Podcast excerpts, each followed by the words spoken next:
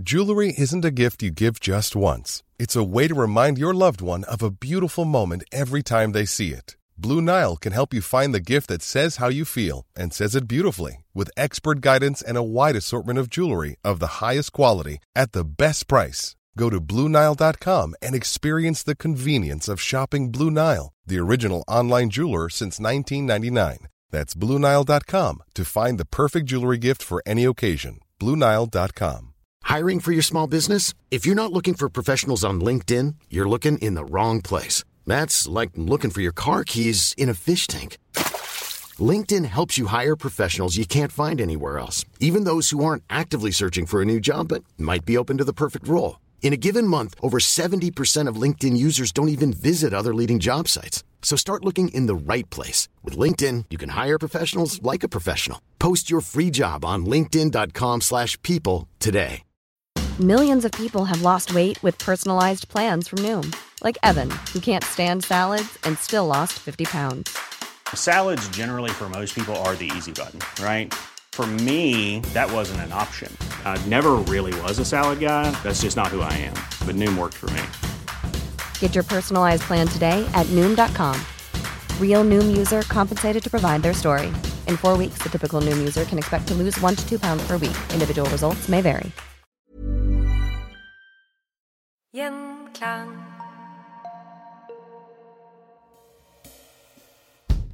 Der Beierbrua går over Akerselva ved Sagene, står skulpturen Fabrikkjentene. Den er en slags monument over Oskar Bråtens forfatterskap. Han skildrer hvordan en strøm av fabrikkjenter passerte brua hver morgen og kveld til og fra arbeidet i de store tekstilfabrikkene Grå spinneri og Jula veveri. Hvem var de, og hvordan hadde de det? Og hvordan endra de Norge?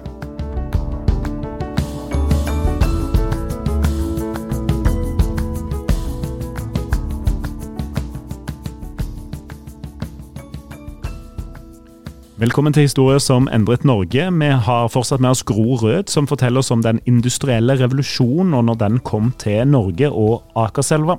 Hvis du ikke har hørt episoden Jula veveri, så anbefaler jeg deg å gjøre det først. I denne delen skal vi bli bedre kjent med de som jobber på fabrikkene, fabrikkjentene. Og vi skal bli bedre kjent med historien til en eh, spesiell jente som du har latt deg fascinere av. Eh, Hvem var det? Ja, jeg, jeg har blitt veldig fascinert av en uh, arbeiderpioner. Og hun her heter Anna Pleim. Og hun kom fra rett ned i veien fra Jula veveri. Så vi vet at hun har gått uh, gradene. Og så er hun veldig representativ fordi at hun forteller i intervjuet at hun, som veldig mange andre, begynte i tekstilindustrien etter hun var konfirmert. Og, og, det er jo også litt sånn på en måte at vi skvetter litt. Men da får vi fram at jo, det er veldig vanlig når du er konfirmert. Da er det forventa at du skal gå ut i arbeidslivet. Mm. Sånn er det i de fleste kulturer i verden. Eh, så hun er da den eh, jenta sammen med veldig mange andre som får tilbud om å begynne i tekstilindustrien. Og hun forteller at uh, hun får det via en, uh, en uh, kontakt som familien kjenner.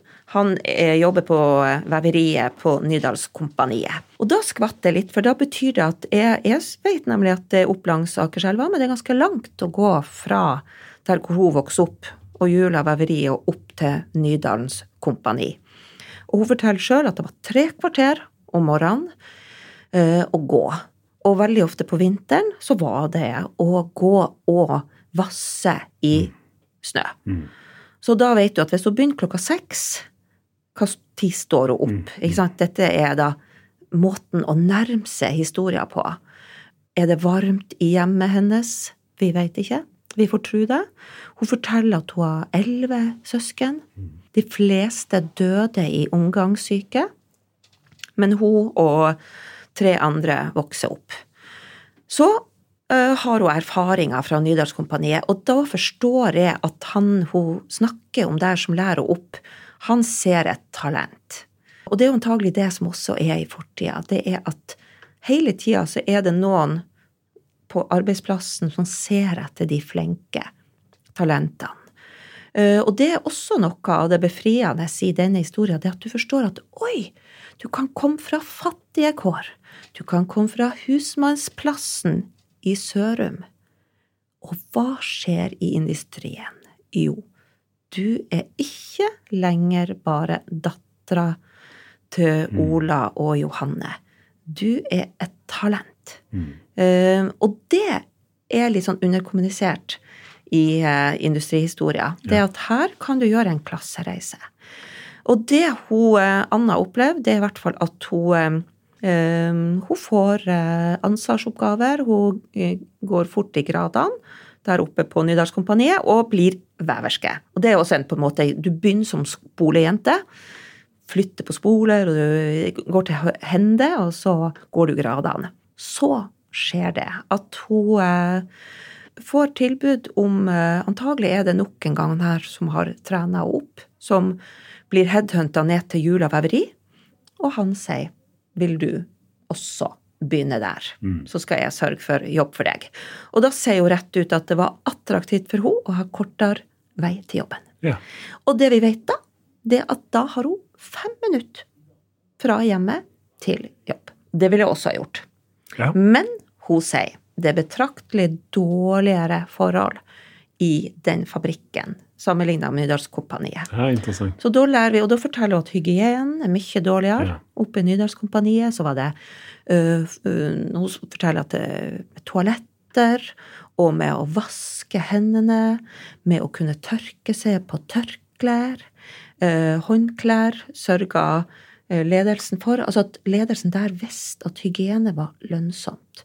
Men så sier hun på Julaveveri så var det mye dårligere forhold. Eh, og dermed så forstår du også at så hun er ei oppvakt jente. Hun forstår at eh, her er det noe som henger sammen. Og så forteller hun i det her arbeiderminnene også at hun hadde opplevd annet at hun forsto at det er fra munnen at tuberkulose og skitt og dritt blir smitta. Og hun forteller om at eh, skyttelen Du vet hva en skyttel er? Nei. Det er der du legger inn spoler med tråd. Ja. Så den er kjempeviktig i eh, industriutvikling. Det er en rakett som, skal, som skytes inn i den vevstolen, der hvor trådene går som renning. Eh, Skjorta du har på deg, er laga Kjolen jeg har på meg, er laga akkurat sånn. Det er renning som går ned, og så skal tråden inn i renninga. Og for at det skal gå fort, så går det en skyttel, en slags rakett, som har spoler inni seg. Og den kan gå 100 ganger i minuttet. Det er radikalt da. To ganger i sekundet leste jeg en plass.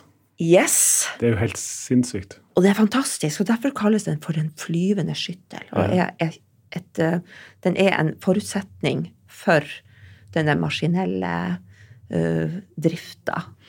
Men hun sier at for å få tråd inn i den skyttelen, så er det laga en konstruksjon med et hull som arbeideren suger ut tråden.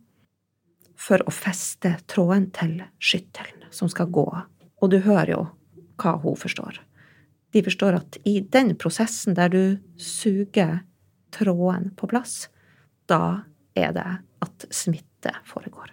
Så hun forteller om et, et kjærestepar på Nydalskompaniet. To vakre som begge to fikk Hun kaller jo for tæring, det er jo det de kaller det for. Men det gikk forferdelig inn, for, inn på henne, og liksom hun minnes det her som gammel også, at hun forsto liksom at de fikk det på jobben. Det var ingen på jobben som passa på de.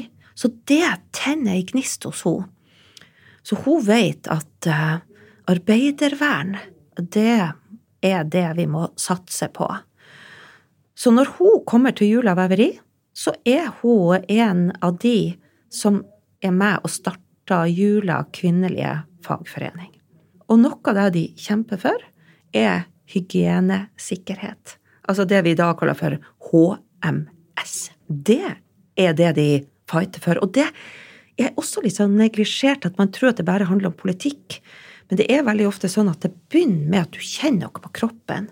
Du begynner å se et mønster. Hvorfor, hvorfor er det så mange som blir syke her?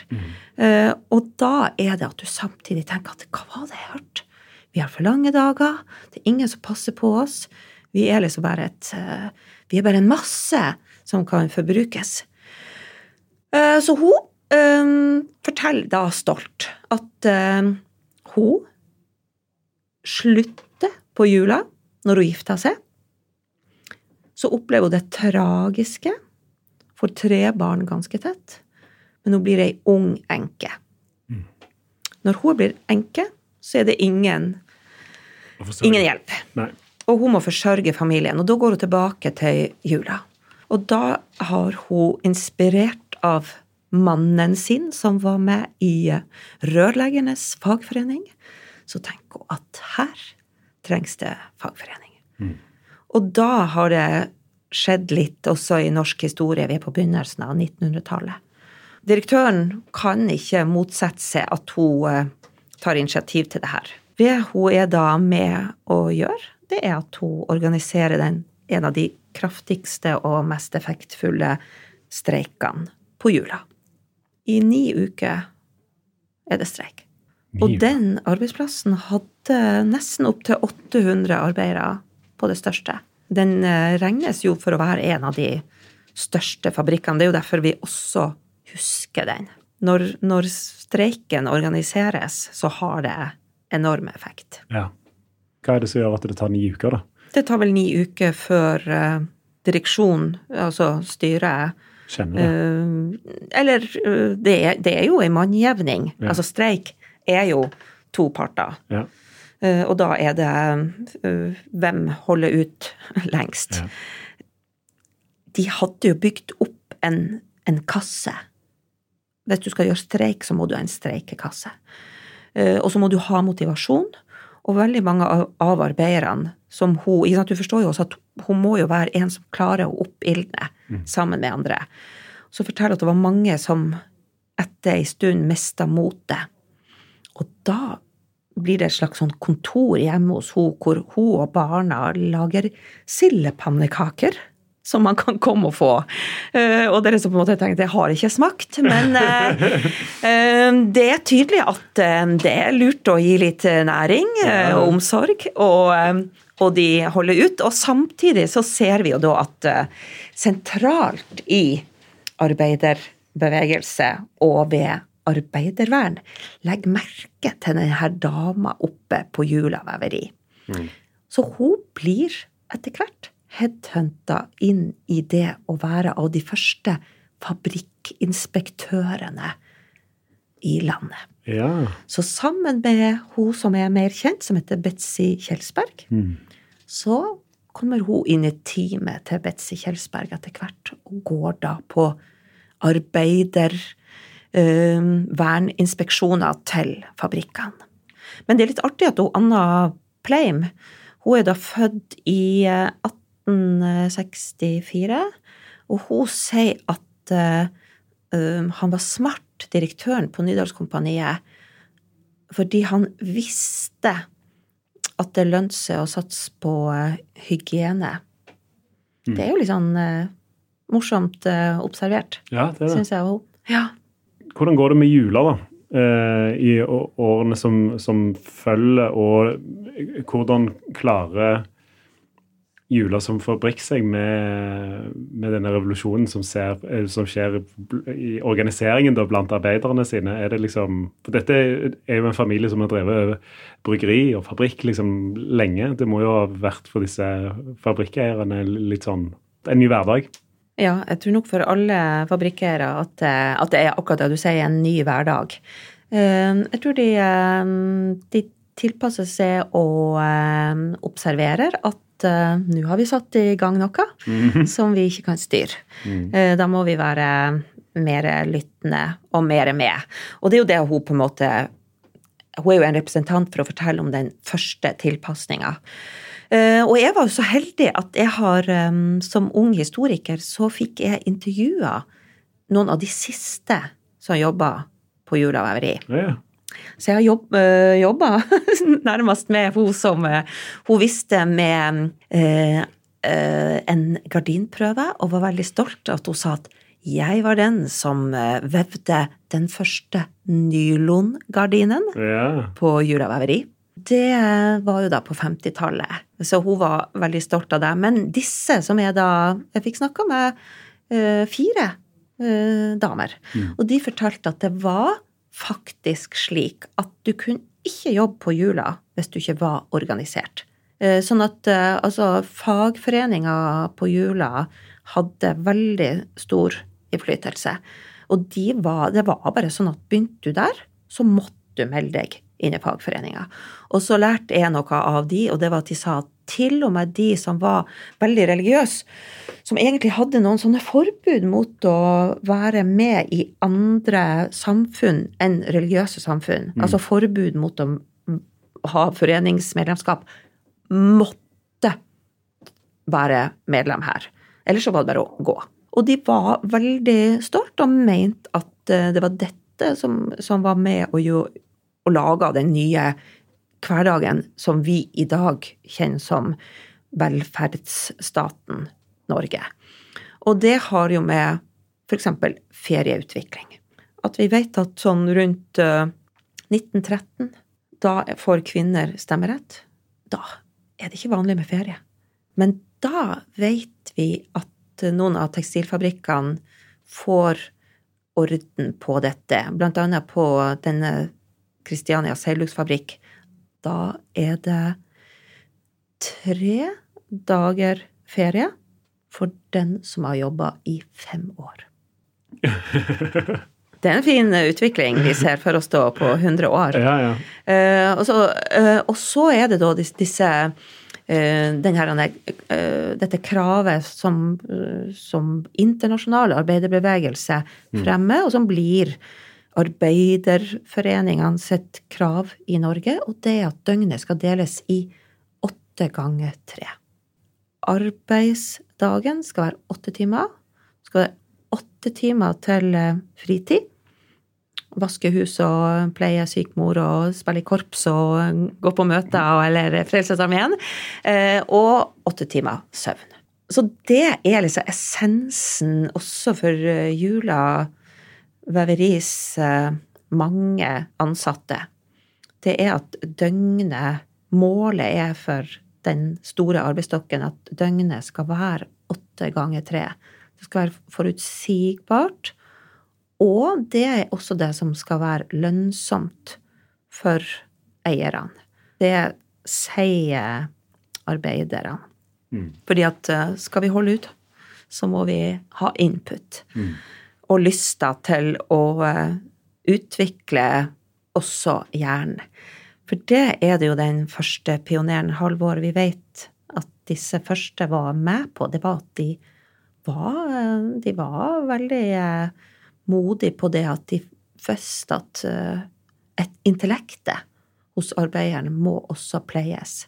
Vi vet at fabrikken bygde opp et stort bibliotek, og at det var mulig å gå på aftenskole Yes. noen timer i uh, søndag, eksempel, når du er fri. Mm. Eller etter den lange arbeidsdagen. Jeg, jeg er jo litt sånn sjokkert over de som klarte det.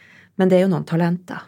Uh, Men jeg syns det er veldig fascinerende med denne store boksamlinga som vi vet fantes, men som vi ikke vet hvor tok veien. Så det er et av de mysteriene som jeg har holdt på med i dag. Hey, I'm Ryan Reynolds. At Mint Mobile, we like to do the opposite of what Big Wireless does. They charge you a lot, we charge you a little. So naturally, when they announced they'd be raising their prices due to inflation, we decided to deflate our prices due to not hating you. That's right. We're cutting the price of Mint Unlimited from $30 a month to just $15 a month. Give it a try at mintmobile.com slash switch. $45 upfront for three months plus taxes and fees. Promo for new customers for limited time. Unlimited more than 40 gigabytes per month. Slows. Full terms at mintmobile.com. Many of us have those stubborn pounds that seem impossible to lose, no matter how good we eat or how hard we work out. My solution is PlushCare. PlushCare is a leading telehealth provider with doctors who are there for you day and night to partner with you in your weight loss journey. They can prescribe FDA-approved weight loss medications like Wagovi and Zepbound for those who qualify. Plus, they accept most insurance plans. To get started, visit plushcare.com slash weight loss. That's plushcare.com slash weight loss. Millions of people have lost weight with personalized plans from Noom, like Evan, who can't stand salads and still lost 50 pounds. Salads, generally, for most people, are the easy button, right? For me, that wasn't an option. I never really was a salad guy. That's just not who I am. But Noom worked for me. Get your personalized plan today at Noom.com. Real Noom user compensated to provide their story.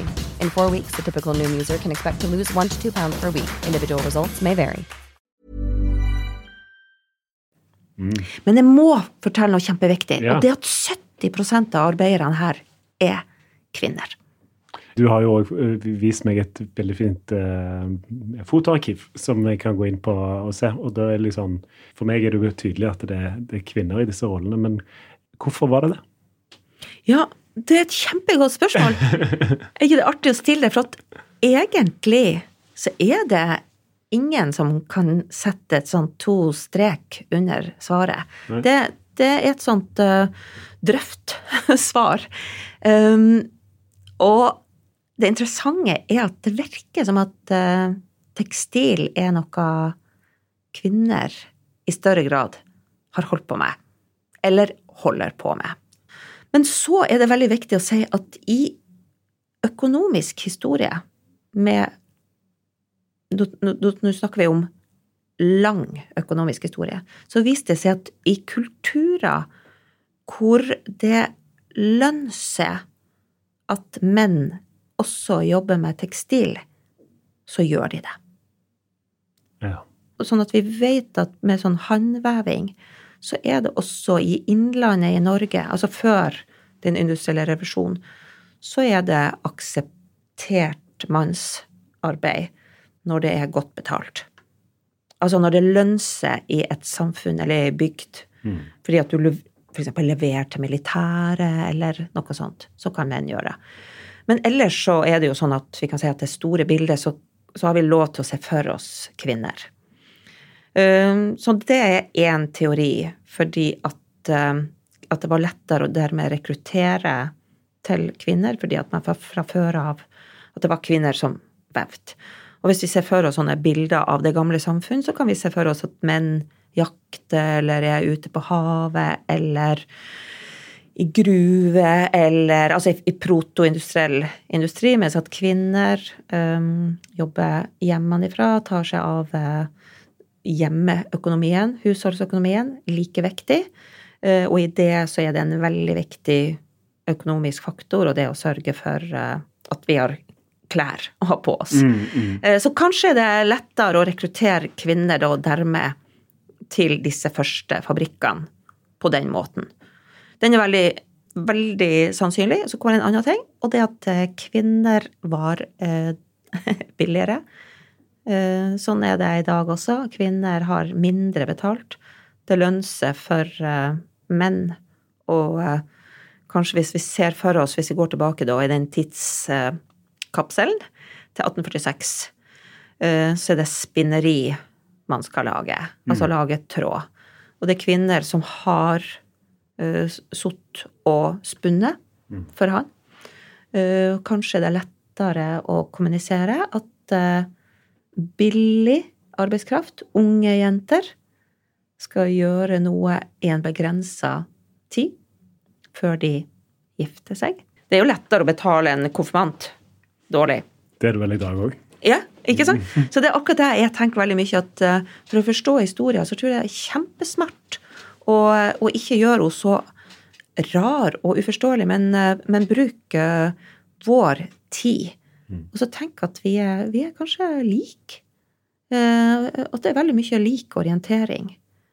Så tenker jo sånn som så, så, så i dag, hvorfor er det fremdeles så kjønnsdelte næringer? Det er jo noe fascinerende over det. Eh, Men vi vet at sånn som Betzy Kjelsberg, hun er altså hun fabrikkinspektøren, hun, er, hun har vi hennes nedskrevne uh, beretninger. Hun er veldig frustrert på hvorfor kvinner fortsetter å være i den dårligst betalte næringa, som var tekstilindustrien. Og hun sier jeg forstår det ikke. Hvorfor, hvorfor orienterer de seg ikke videre? Uh, de er der. Og da tror jeg at noe av svaret fikk jeg blant annet av de jeg intervjua. Og de snakka om eh, noe som er veldig viktig i en arbeidssituasjon, og det er trivsel. De snakker om at de eh, de var veldig stolt. De jobba på Jula, og så sa det med sånn kjempestolthet. Og, og, og jeg intervjua også noen som jobba på Grå, som dette spinneriet ble kalla etter gründeren Knut Grå. Mm. Så sa de åh, Eh, vi jobba på Grå, akkurat som foreldrene våre. De fant hverandre på Grå. Mm. Jeg fant mannen min der, jeg. Og ikke for den saks skyld, besteforeldrene våre også. Jeg hadde mine beste venner der. Jeg omgås de fortsatt. Vi bruker å møtes og ha uh, fester eller uh, Og det tenker jeg også, ikke sant, hvorfor, hvorfor er vi Hvorfor fortsetter vi på arbeidsplasser? Jo, fordi der har vi kjempegode venner. Mm. Vi har latteren. Uh, vi er forelska i noen. Uh, vi har hatt oppturer i lag. Vi har hatt de største kontraktene i lag. Uh, og som hun sa, det var jeg som vevde den første nylongardinen. Og i ettertid så har jeg forstått det var et fantastisk Det var et kompliment. Jeg forsto ikke da å følge opp, men i ettertid så forstår jeg at det var jo noen som ga henne Hun var den beste. Det var hun som skulle prøve ut den nye teknikken. Um, det var hun som skulle stille stolen. Det var hun som skulle vurdere elastisiteten, som skulle se at det var nok tråder. Uh, altså, ja, i ettertid så, så, så, er det at man også forstår at de er jo fagfolk. De er så stolte av det de kan. De står ikke bare der og er slaver de, de forteller jo at eh, vevstolene var jo forskjellige. Det var noen som snakka bedre med noen. Eh, hun ene var liksom stolt at de andre sleit som med en vevstol, men med meg jeg, jeg hørte på den. Jeg visste akkurat hva tid den skulle uh, smøres, skrus, uh, mm. justeres. Og det er jo det å si 70% kvinner, 30% menn. Hva gjorde mennene? Jo, de passa på maskinene. De kom når hun Johanne sa at nå må du komme. Eh, for det er enorm belastning, disse vevstolene. De står jo der og rister. Eh, det støyen bråker. Belastninga, det med skruing. De har egne snekkere som kommer og skifter ut. Det er maskinstillere.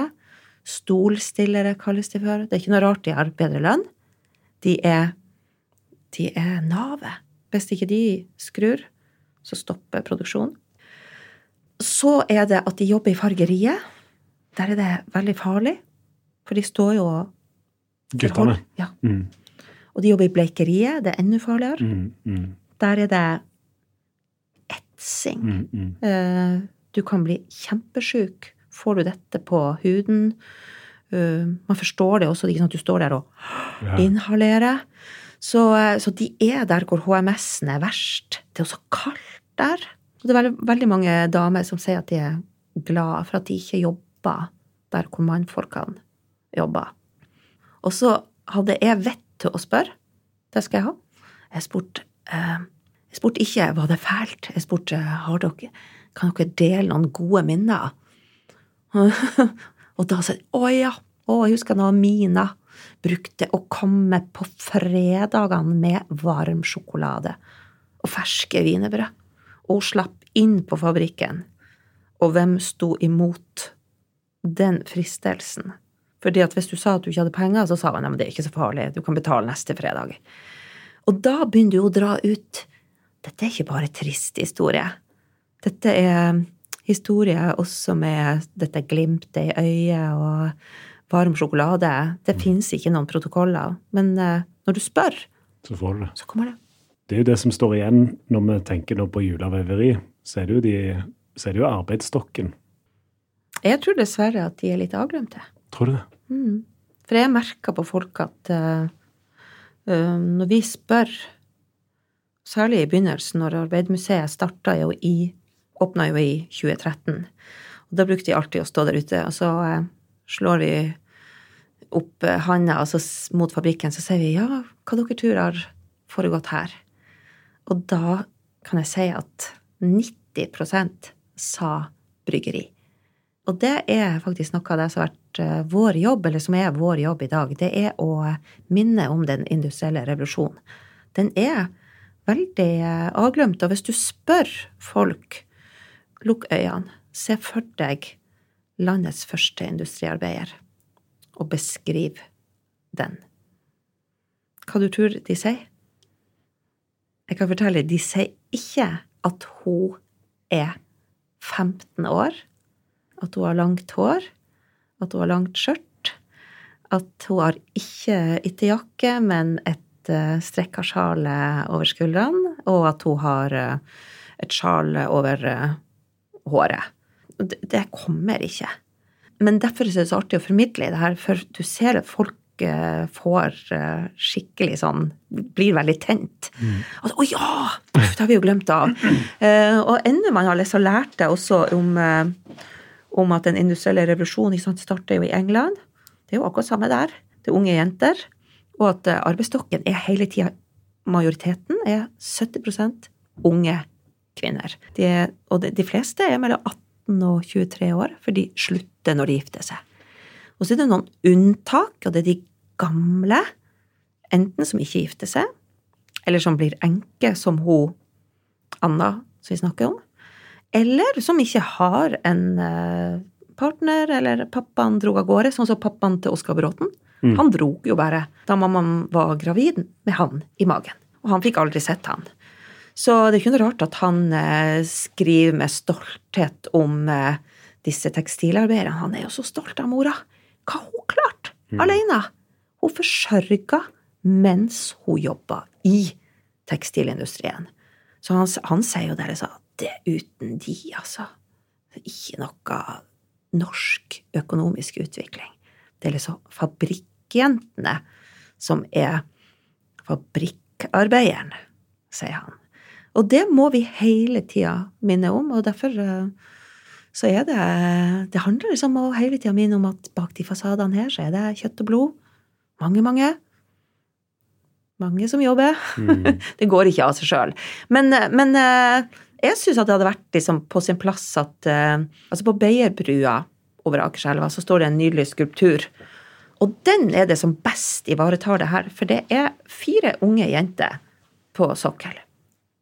Og, eh, og jeg er så glad for at folk er så glad i den skulpturen. For det er veldig mange som sier at det er to populære i Oslo. Og det er Sinnataggen, og så er det Fabrikkjentene. Eh, Og, og det at de er unge og nysgjerrig og litt redd og litt modig, litt tøffe òg. ja, det er litt sånn tøffe. Så jeg, jeg tenker jo at åh, jeg skulle ønske det hadde vært flere sånne nærmere jula og grå.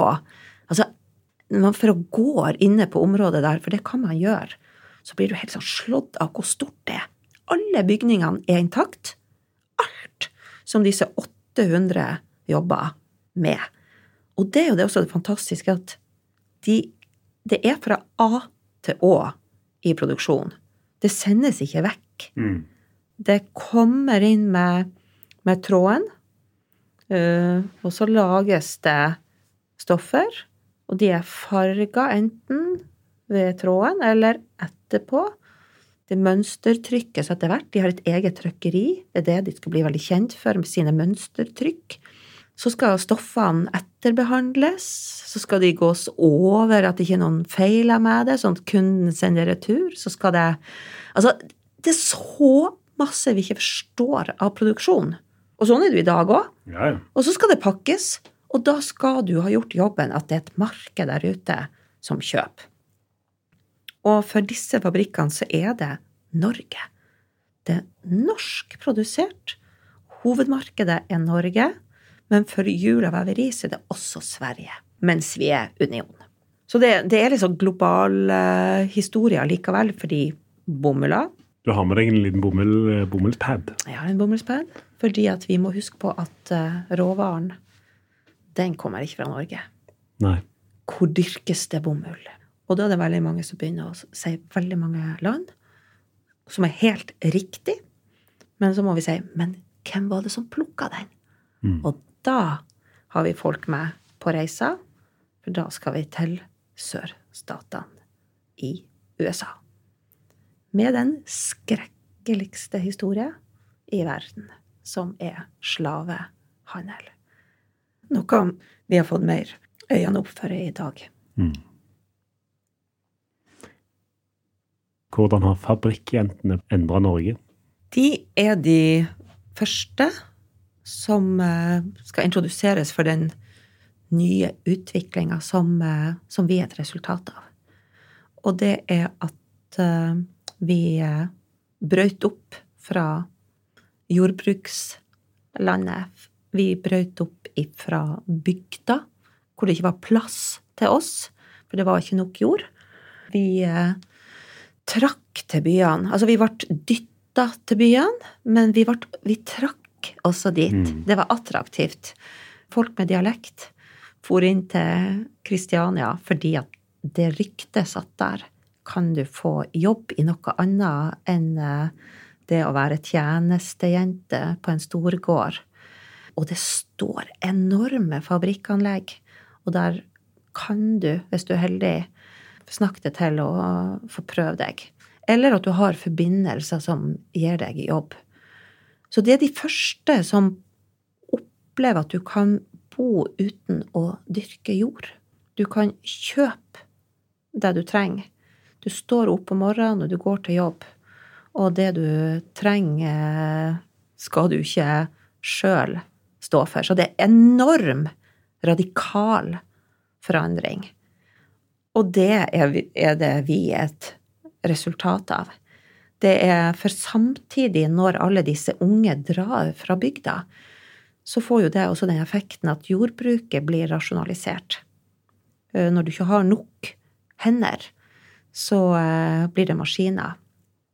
Så det er liksom starten på den eh, utviklinga vi ser i dag. Færre og færre som gjør det vi regner som det primære vel å merke i vår del av verden. Fordi at fremdeles er jo det her en sånn at tekstilhistoria den, eh, den har forandra seg hos oss. Vi produserer ikke. Nei. Vi har outsourca det. Eh, Og, og, og hva slags utvikling egentlig som har skjedd til det bedre, det kan man jo stille spørsmålstegn til. Tekstilarbeideren i dag, som har laga skjorta di og kjolen min, de eh, har kanskje ikke ferie. De har kanskje en tolv timers arbeidsdag. De står i fargeriet uten beskyttelse. De eh, sitter ved vevstolen uten beskyttelse. Vi vet ikke engang hvor det blir gjort. Vi vet hvor det farges, for det har ryktes oss. Jeans er verst. Vi er i Asia. Men hvor den blir vevd av jeansen mens den er hvit, det vet vi ikke. Og hvor bomulla, den bomullspadden, hvor dyrkes den? Det vet vi ikke. Hvor mye gift som er brukt i jorda for å dyrke bomullsplanten? Det har vi en liten mistanke om, men vi liker ikke å snakke om det. Og vi ser nesten aldri noen ting til det. Der er det spennende eh, vitenskap og teknologi og eh, samfunnshistoriske programmer igjen å gjøre. Men vi liker ikke å snakke om det. Ubehagelig bilde, men det er jo um, en, en, en tanke å ta, ta med seg videre Mm. når man tar på det. Den fine skjorta og den fine kjolen. Mm. Mm. Ja, for historie handler om i morgen. Altså, historiekunnskapen handler jo om framtida. Det er derfor vi, vi trenger å vite hva var det som skjedde på jula. Hvorfor ble den lagt ned? Hva var det som skjedde når alt på null komma niks langs Akerselva eh, En krampetrekning eh, noen få år. De slår seg sammen Mm.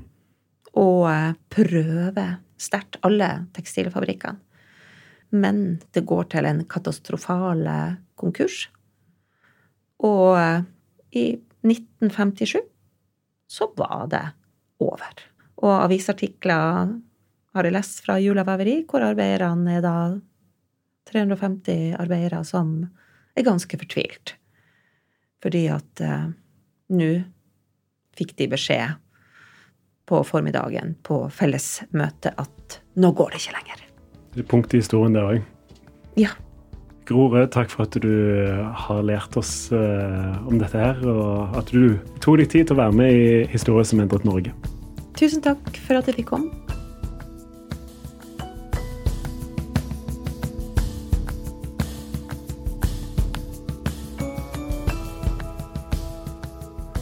Før vi avslutter for i dag, så må vi òg høre hva som skjer i historier som endret eh, verden denne uken. Og i uke 13 som er i nå, Christian Konglund, hva skjer der? Da er det slaget ved Talas. Oh. Det er ikke så veldig mange som vet hva det er. Dette slaget er, det fant sted helt borte i dagens Kirgisistan. Og det var faktisk avgjørende for at vikingtiden fant sted.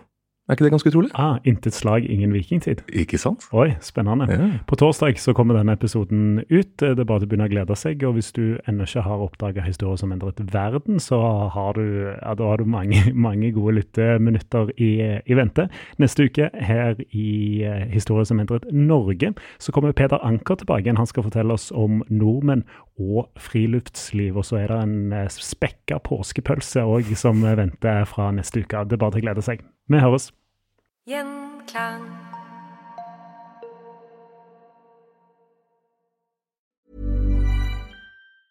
Hi, I'm Daniel, founder of Pretty Litter. Did you know cats tend to hide symptoms of sickness and pain? I learned this the hard way after losing my cat, Gingy. So I created Pretty Litter, a health monitoring litter that helps detect early signs of illness by changing colors, saving you money and potentially your cat's life. Pretty Litter is veterinarian developed, and it's the easiest way to keep tabs on your fur baby's health right at home. Go to prettylitter.com and use code ACAST for 20% off your first order and a free cat toy. Terms and conditions apply. See site for details. Even when we're on a budget, we still deserve nice things. Quince is a place to scoop up stunning high end goods for 50 to 80% less than similar brands. They have buttery soft cashmere sweaters starting at $50, luxurious Italian leather bags, and so much more. Plus, Quince only works with factories that use safe, ethical, and responsible manufacturing. Get the high-end goods you'll love without the high price tag with Quince. Go to quince.com slash style for free shipping and 365-day returns. Mom deserves the best, and there's no better place to shop for Mother's Day than Whole Foods Market. They're your destination for unbeatable savings, from premium gifts to show-stopping flowers and irresistible desserts. Start by saving 33% with Prime on all body care and candles. Then get a 15-stem bunch of tulips for just $9.99 each with Prime. Round out Mom's menu with festive rosé, irresistible berry chantilly cake, and more special treats. Come celebrate Mother's Day at Whole Foods Market.